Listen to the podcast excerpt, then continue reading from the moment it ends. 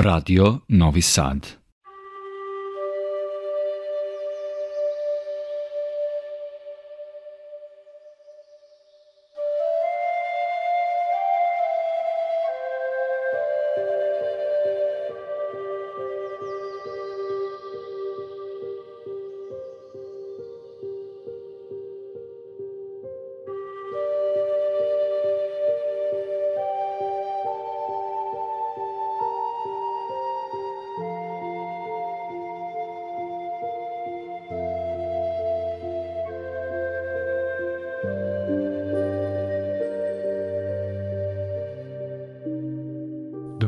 Poštovani slušalci. Vi pratite program Radio Novog Sada i još jedno izdanje emisije Vox Humana.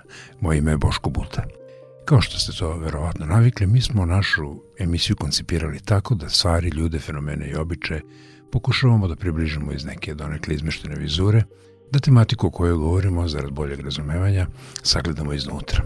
Pre tačno sedam dana u istom terminu započeli smo razgovor sa našom gošćom, gospođom Ljiljanom Rivić, likovnom umetnicom, čija je specijalnost mozaik. Ova verovatno najteža i najkompleksnija tehnika nešto je zašto se naša gošća odlučila, pa smo u tom smislu govorili o samoj tehnici pravljenja mozaika, a i o njenom bogatom i šarolikom opusu koji se kreće u dve različite, ali veoma slične grane. Naime, ona se artikuliše sakralne umetnosti, radeći praktično ikonopis, od mozaika slikajući kamenom, a isto tako ima i svoj deo svetovnog opusa u kom pušta mašti i fikciji da izađu na videlo. Večeras nastavljamo naš razgovor.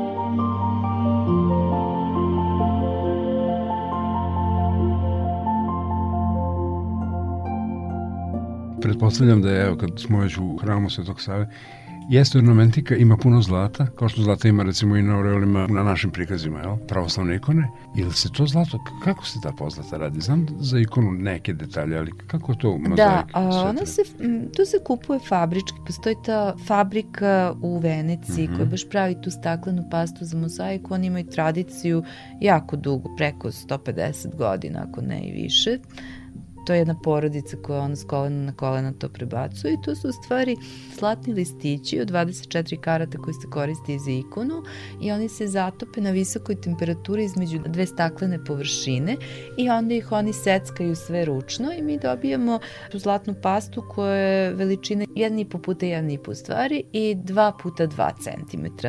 Tako da kada se radi sa tom smalti pastom, to je malo olakšavajuće što nema pripreme te kao, kao kada se radi s kamenom, znači da se iz tih da. tabli secka, nego dobijete gotov materijal koji posle samo kleštima obrađujete. Jedino što je ona tako malo nezgodna za rad, dosta se ubada sa njom i onda ruke se da. Oštete i puno krve se izgubi. Onda smo se mi stalno da. šalili, a mi smo i krv ovde pro, da, prolili. Dobro, i pinceta tu radi čim je to tako pipavo. Jeste, da, da, da, ne može bez ono, da. ovaj, bez alata, a naš alat su pincete, klešta za mozaik i klešta za pastu, to je ono što koristimo u ateljeu, da ne govorimo ovo što je pri pripremi materijala, Tako. da su to mašine sa vodnim hlađenjem i dijamantskim sečivom, da. onda su to mašine koje prave te kockice, posle isto ručna koja ima tako neku pneumatiku i onda se prave te kockice i ima čak i čekić i nakovanj, a kad se uđe u atelje to je mm. već onda gospodski. Tu da, nema da. više ni prašine, ni, ni mulja od, od vodenog tako sečenja, ni te fizikalije, onda je sve lepo. I onda čovjek nek, tako dođe neko sa strane pa kaže, pa koliko ti treba da uradiš ovaj mozaik? A ja kažem, pa evo, 20 godina i ne znam ni ja koliko već iskustva i rada.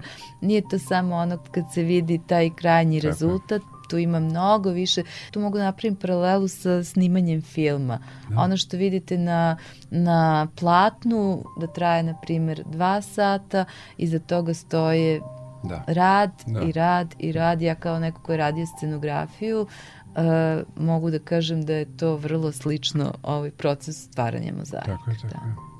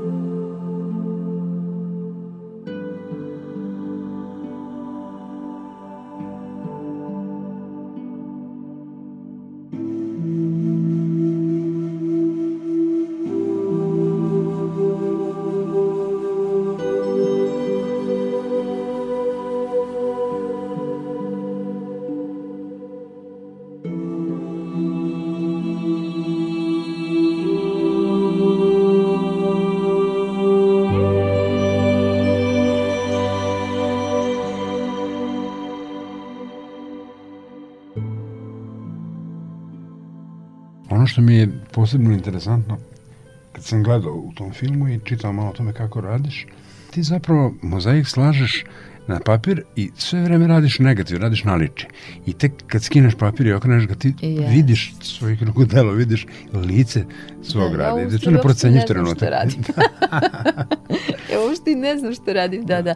U stvari ja, ja sam počela sve da vidim u, u ogledalu. Da. U stvari radim indirektno, napravim prvo tu skicu, zato što je tako lakše, može i direktnom tehnikom da. Ona gruba skica ili, ili može da dozvoli sebi neko ciziliranje detalja? Sve, imam i detalje da. i sve to, ali nekad napravim i ugrubo, ali mnogo je bitno da se u mozaiku zna sve gde će šta doći. Tako. Upravo iz tog razloga što je to indirektno i što sve vidite u ogledalu. Naprimjer, ako imala sam jednu, eto, na početku kada sam počinjala da radim, radila sam nekog svetilja pa sam rekla pa nema veze, ispisat ću slova posle. Da moj mozak nije to okrenuo u glavi. Da, da, I da. onda sam, ja jesam okrenula slova, ali redosled nije bio baš kako da. je trebao. Nije bio, na primjer, Sveti Arhangel Gavrilo, nego je bilo da. Gavrilo Arhangel Sveti. Da, Tako da, da, da nekako i taj crtež mora da bude razrađen do najsitnijih detalja. Posle mozak, koliko god ja godina radila imala tog iskustva iza sebe, on i dalje gleda direktno, osim da. kada opomenem sebe i kažem, e, pogledaj. Tako. Ja sve vreme gledam to naličje i imam te nepravilnosti u visini kamena, a, da, a dole mi je, da, da. da, a dole mi je lice i sad da. uvek je izazov, kažem, najlepši je onaj moment kad se mozaik rađe, kad vi njega Tako. okrenete i skidate taj papir. E, to je onda nešto, kao kada uskočite u more, pa osetite onu lepotu vode i ono kako vas voda da. miluje dok plivate, e tako i ovo. Osetite tu lepotu kroz celo telo vas onako prožima to nešto lepo dok skidate taj papir da. i vidite u stvari šta ste radili mesecima u nas. Tako je, tako je. I to je negde stvaranje nekog novog sveta. Tamo neko stvaranje, stvaranje, a čekate tako ono, to je kao nosite dete u stomaku, pa čekate da, da se, da se rodi. Da. Tako i ovo. Živite život, stvarate, stvarate i onda se to rodi. I par puta, eto baš prve tako neke mozaike koje sam radila za crkve i onda dođu po njih tovara u taj kombi i onda ja vičem čekajte mene, čekajte. I onda mi jedan sveštenik rekao šta ti je, pa ko idu? Kažem da, tu, kao da moje dete odlazi. I onda sam u stvari shvatila da eto treba da pustim. Da. To se sve nauči iskustvom Tako. i da oni počnu da žive neke druge živote i da neki da. ljudi počnu da žive pored njih. Tako da se ja radujem sada kako pustite dete u svet. Ide da. dete da živi neki svoj život. Tako, Tako i ovi moji mozaici odlaze da žive neki svoj život i neku novu dinamiku. Ja se srećem sa njima, odlazim u te crkve, ako su u privatnim kolekcijama i ako su ova moja poetika, ja ih često posudim i za izložbe, divni su ljudi pa daju i onda se ja sretnem pa im da. se obradujem, a imam utisak da se oni meni nekako na neki svoj način obraduju. Da. To je ta neka reakcija u stvari o, obostrana, da, da, da. da. da.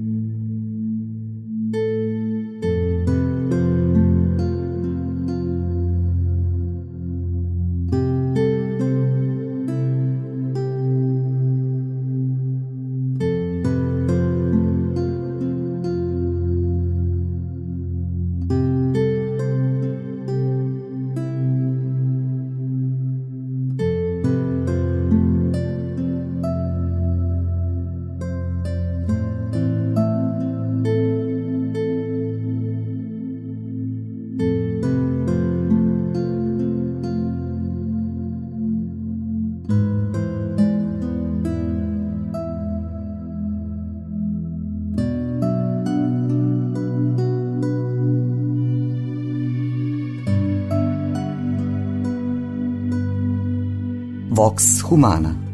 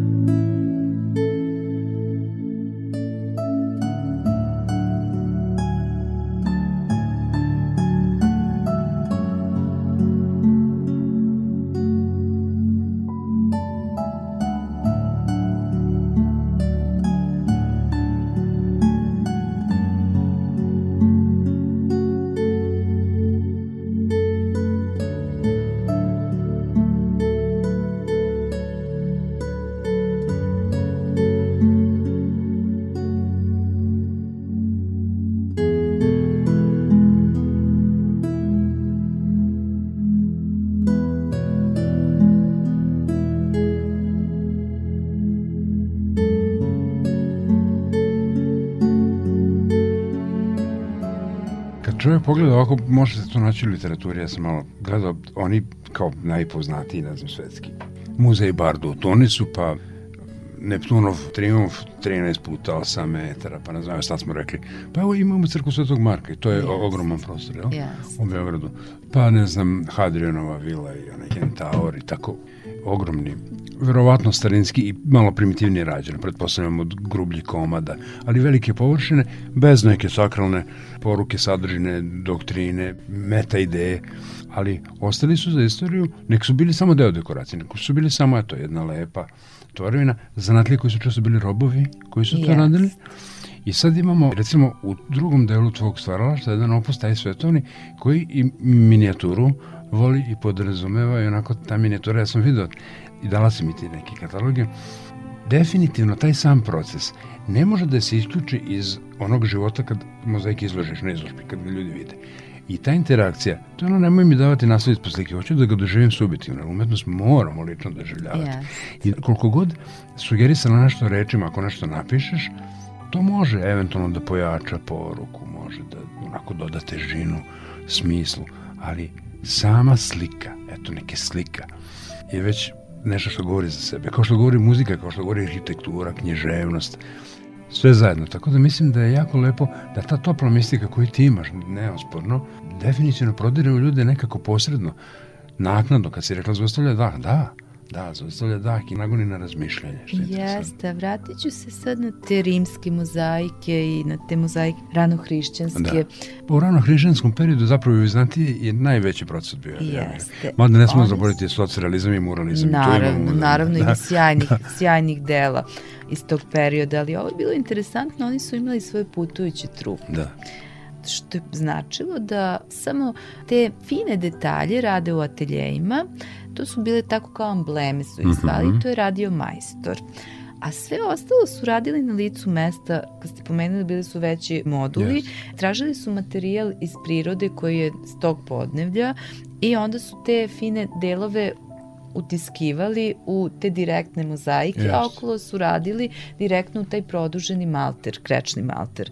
Tako da su u stvari oni putovali, dosta su putovali, prenosili samo te finije delove, a ostalo, to su uglavnom bili podovi, yes. uglavnom su bili podovi po palatama i tako. I to je bila čitava ekipa od ljudi koji su pripremali materijal do ljudi koji su sortirali materijal mm. po bojama do onih koji su obrađivali znači posle na finije Jeste. te delove, na trugliće, na pravogonik i to, one koji su ređali pozadinu i te majstore koji su nadgledali sve to i radili te fine radove.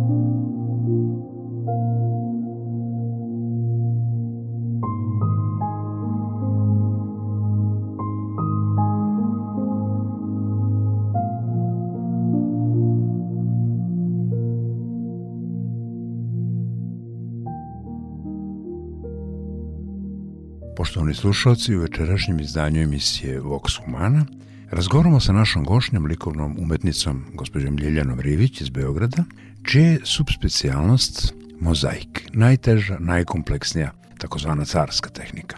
Pričamo o njenom sakralnom, a isto tako i svetovnom opusu, a pre svega objašnjavamo metodologiju samog kompleksnog čina izvođenja mozaika i njegovih varijeteta koji iz toga proizilaze.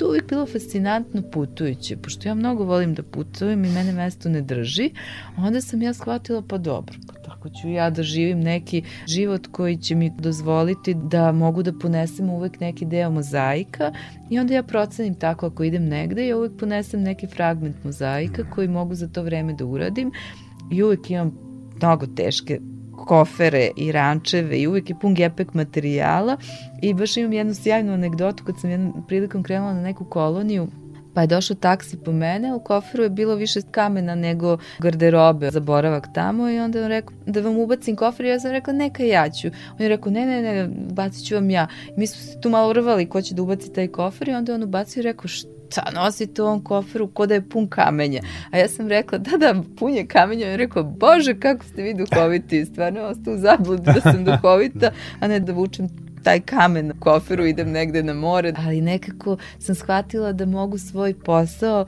takav kakav je, ako je zahtevan i negde da. težak da se ponese, mnogo teži, na primjer, od umetnika slikara koji ima jedno platno i boje i može svugde s tim. Ja sam opet našla varijantu da mogu to da ponesem i da me posao ne vezuje za jedno mesto. Tako da mi je to baš onako velika radost da i moji mozaici putuju tako, da mogu da pišu i oni putopise sa mnom. ja se šalim, putujući su tako da mi je to mnogo lepo, eto što sam uspela da sebi napravim da mogu da ih nosim da. sa sobom.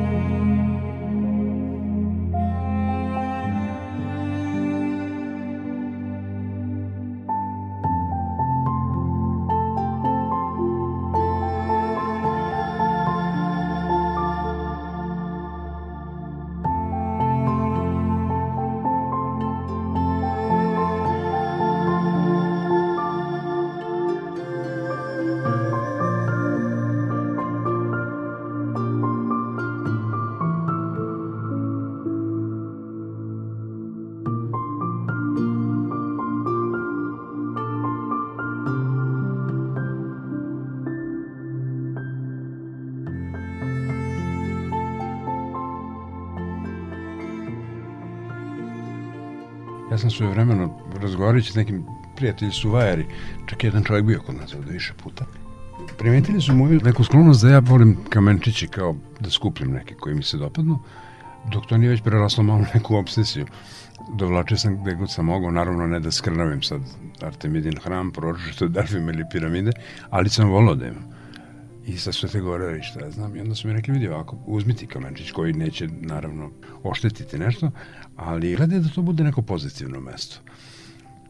Jer kamen isto te vibracije pamti, upija yes. i određenu energiju i u tom smislu je lepo imati. on celu kolekciju. Gleda čovjek boju, gleda šarenilo, gleda tako. Prepoznaje oblike teksturu, obliku. Da, i da. simbole neke. Da. A nekad i kad mu promenite oblik, eto ja e, promenim e, oblik da. i promenim i ako možda nije imao u tom trenutku dobru energiju, samom promenom tako. i njegove strukture i oblika, mislim da se menja i energija. Tako, tako, tako. da baš jednom prilikom tražeći svoje poreklo, otišla sam na dedovinu gde je nekad bila kuća mm -hmm. i bila sam sa mojom mamom tamo i onda je ona došla na sjajnu ideju zašto ne uzmeš makar kamen pa ugradiš da.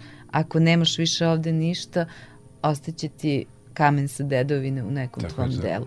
I onda sam od tada ja počela u stvari da putujući skupljam tako kamen i da ugrađujem i tačno me uvek taj neki mozaik u koju ugradim podsjeti na to neko putovanje i na tu neku moju ličnu priču i neki moj lični doživljaj. Da. da. Ja se sećam svog evo, krajnje intimnog prvog susreta sa mozaikom koji me je ganuo. Ja ne mogu da ti procenim, da kažem, nisam verao da ti kažem da li on ima visoku umetničku urednost, što je potpuno nebitno. On je tamo gde treba, on je pod ostrogom, u manastiru i da je nekad stara česma bila, koja je još bila u funkciji. I zapravo ja znam šta me je ganulo. To je onako poslednji geštaltističko gulicanje čula, onako vrlo prizemno sam pao. Mm. Naravno da je taj sferični oblik, kako se već radi, trebalo bi ikona da bude predstave Bogorodice. Gore je, nije inkrustacija, nego je baš u mozaiku urađeno tekst jednog psalma koji kaže kao što košuta traži izvore, tako moje srce traži tebe. Duša moja, da. Ukus. Da, da, da koliko je u stvari duša bitna. Samo ćemo to reći i koliko nju treba tako negovati, je, čuvati i paziti. Nešto što se ne vidi, a tako se osjeća. O, da.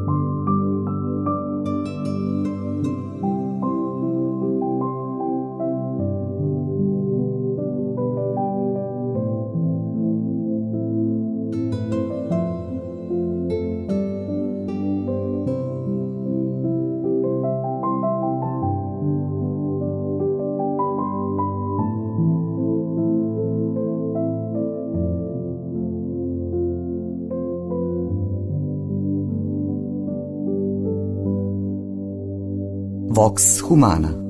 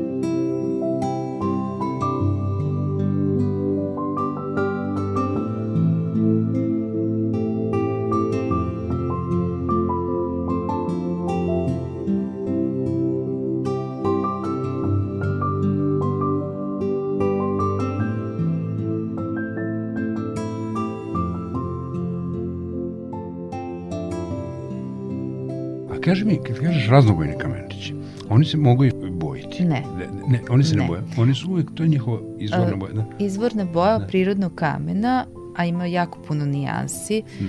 i u prirodi stvarno može da se nađe predivna paleta, a ono baš što ne može da se nađe, onda se dopunjava sa tom venecijanskom A da, pastom da, i da, tu to sam- ima, na primer, preko stotine nijansi boja, onako, baš je široka paleta, ali, na primer, eto, najteže je naći plavi kamen u prirodi, ali Da. i on postoji, vadi se sa dna mora i on je moj omiljeni kamen. Da. Nekako bez njega ne mogu da završim i da uradim mozaik, baš ovu moju poetiku i svaki put kad mi nestane ja sam mnogo Da, da, da. zabrinuta, ali svaki put se otvori i ja ga nađem. Svaki put dođe on do mene i stvarno taj doživlje da je bio negde na dnu mora i da sad živi ono Da. na mozaiku, pritom je jako redak i jako skup, ali bez njega mozaik moj ne bi bio mozaik. Tako tako tako da, eto, koristim i venecijansku pastu s kojom Jasno. nadopunjujem tu paletu koju ne mogu da nađem u prirodnom kamenu i to se jako lepo slaže jedno s O, da. drugim. Da.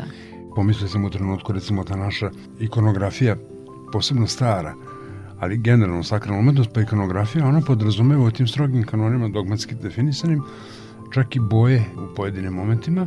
Dualistička priroda Hristova je naravno ljudska i božanska i Yes. crveno je simbol božanskog, zato je on u crvenoj odeždi sa plavim detaljima, Jeste. recimo Bogorodica je čovjek, pre svega ona je plava, sad obožena je crvenim, crvenim detaljima. detaljima, onda treba imati toliko kamena i toliko boja. Jeste. Da. Treba imati, ali evo baš da napravim paralelu sa tom bojom. Da. Pomenut ću crkvu na kojoj radim već pet godina, jedan malo veći projekat, radim sama. To su anđeli, A, Kragujevac. E, da. jeste, jedno selo kod Kragujevca, selo Kamenica koje je predivno selo i ktitor te crkve tražio da mozaici budu ahromatski, samo Mhm. crno-belo sivi. Meni je tu bilo malo u početku kako ću to, mislim, veliki je posao, treba gledati u to, da nema boje toliko, ali mi je bilo izazovno, poprilično izazovno i kada sam prvi uradila, otvorile su mi se nove dimenzije potpuno.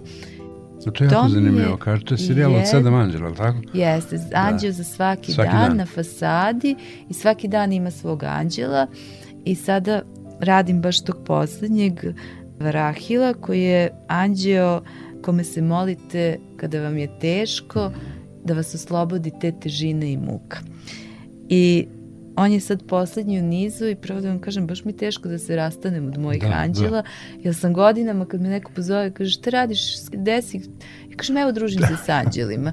Neko bi pomislio da sam luda, ali oni koji me znaju, znaju da se stvarno družim sa anđelima. I stvarno mi je ovaj posao promenio potpuni doživljaj na neki način kolorita u mozaiku i čak mi je promenio malo moj rukopis i mnogo sam srećna zbog te crkve. Ona mi onako iz nekih drugih razloga mnogo znači. Imam čak i jednu anegdotu. Moj tata je bio daltonista, To sam pročitao, ali uživo u mozaicima, to je. ali nije znao uopšte što ja radim godinama. On je dolazio na izložbe i čudio se ljudima šta je tu njima interesantno. Ko zna kako je on to video i kada sam ja u crkvu počela da radim, on je prvi put video kako Da. to izgleda i rekao mi je šta se tebi desilo, pa ti je ovo ovako dobro.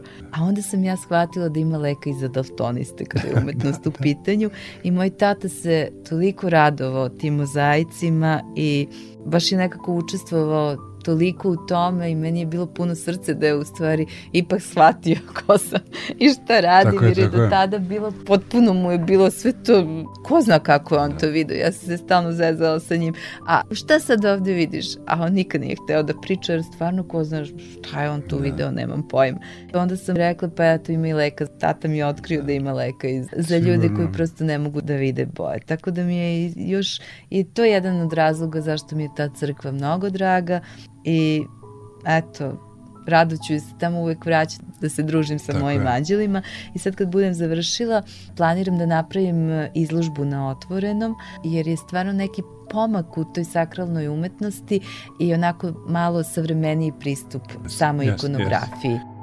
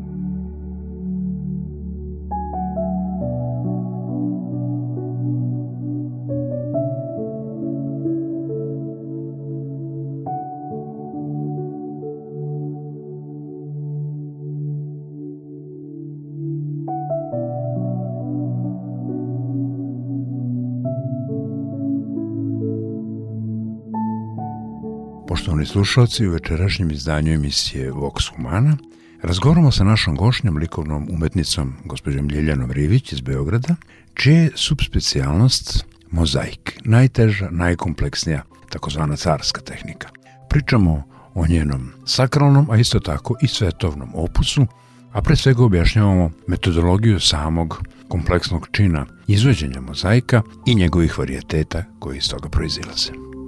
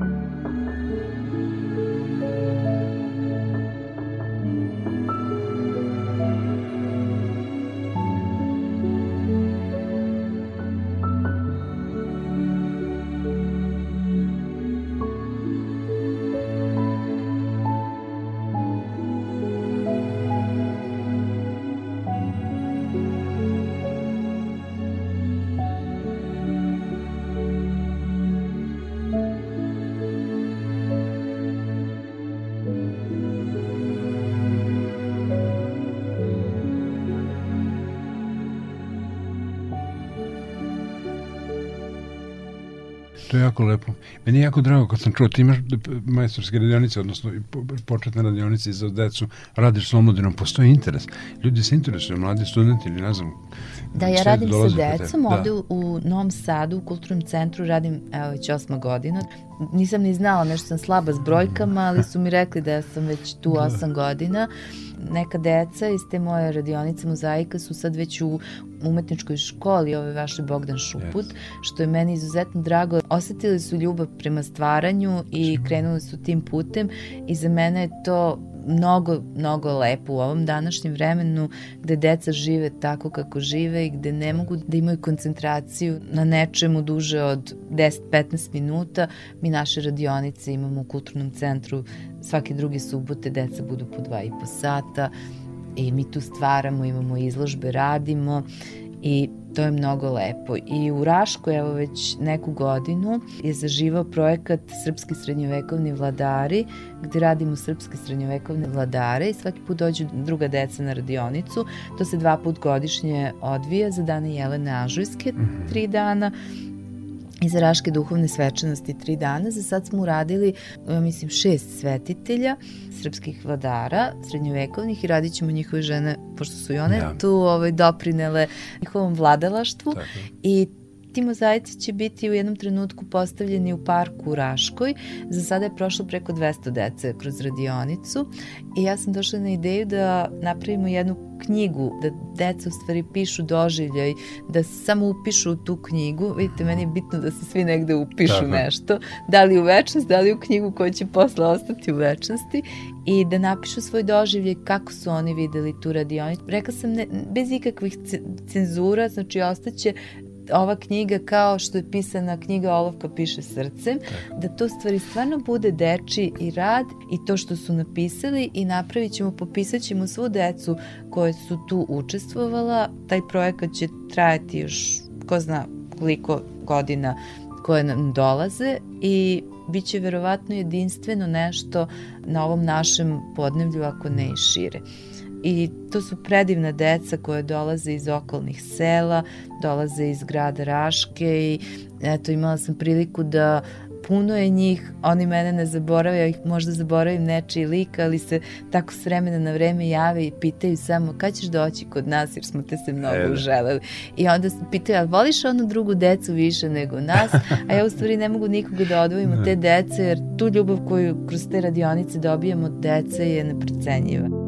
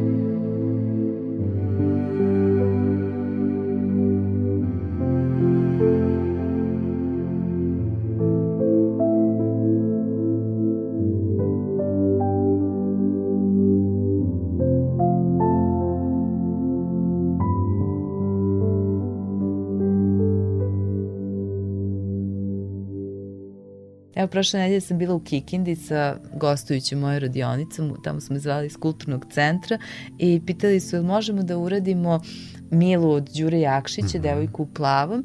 Ja sam rekla, evo ga novi izazov, možemo. I oni su prezadovoljni kako je to ispalo i deca nisu imala priliku da se susretnu nikada sa ovom tehnikom i pitala su, hoćeš li nam ponovo doći? U stvari, taj moment kad držite deci pažnju u tom uzrastu, kada su i nestašni, kada je pubertet malo ono no, da. već uhvatio i uradite mozaik za tri dana koji je poveliki i upoznate tu decu, njih je bilo oko 25 na radionici i tim timskim radom nastane nešto tako, mislim da je to samo radost i da toj deci ostane to negde urezano u, u sećanje. Ima jedan tu mali dečak iz Novog Sada, moj dragi mali dečak Nikola, koji je mnogo voli mozaik i koji je čak izgovorio jednu rečenicu koju ja stalno govorim, mozaik je nešto najlepše na svetu. Tako ja kažem, bravo Nikola, to ja isto delim mišljenje s tobom. Tako da, eto, deci je stvarno potrebno to i zbog motorike i percepcije i zapažanja i stvarno, eto,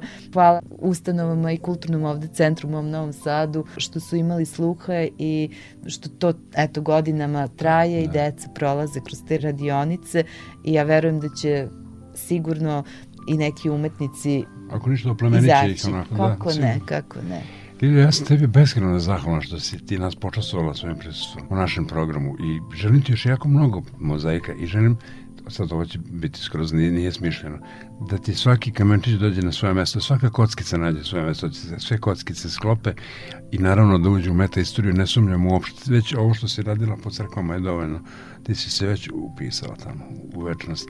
A i ovaj prelepi svetovni opus treba da nastaviš što hrabri baš bi te bodrio, kao kad bi bio merodovan. Nisam, naravno, mogu samo laički da posmatram sa strane i da kažem da, prepoznajem, osjećam, sviđa mi se.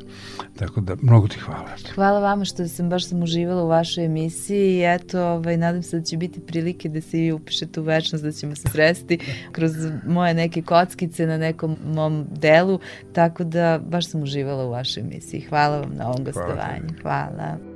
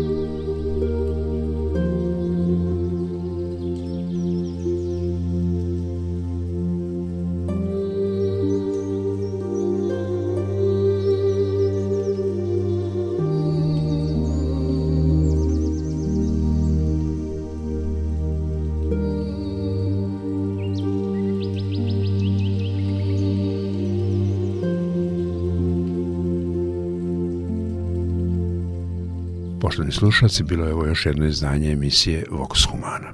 U protekli 60 minuta sa nama je bila likovna umetnica gospođa Ljiljana Rivić iz Beograda, mozaičar. Pričali smo o njenom opusu, u njenim iskustvima, o samoj tehnici pravljenja mozaika, ovoj kompleksnoj i teškoj tehnici za koju se redko ko odlučuje da mu bude izraženo sredstvo. Nadam se da ste u našem programu uživali, a do sledećeg termina srdačno vas pozdravljaju Damjan Šaš, Sabina Nedić i vaš domaćin Boško Buta.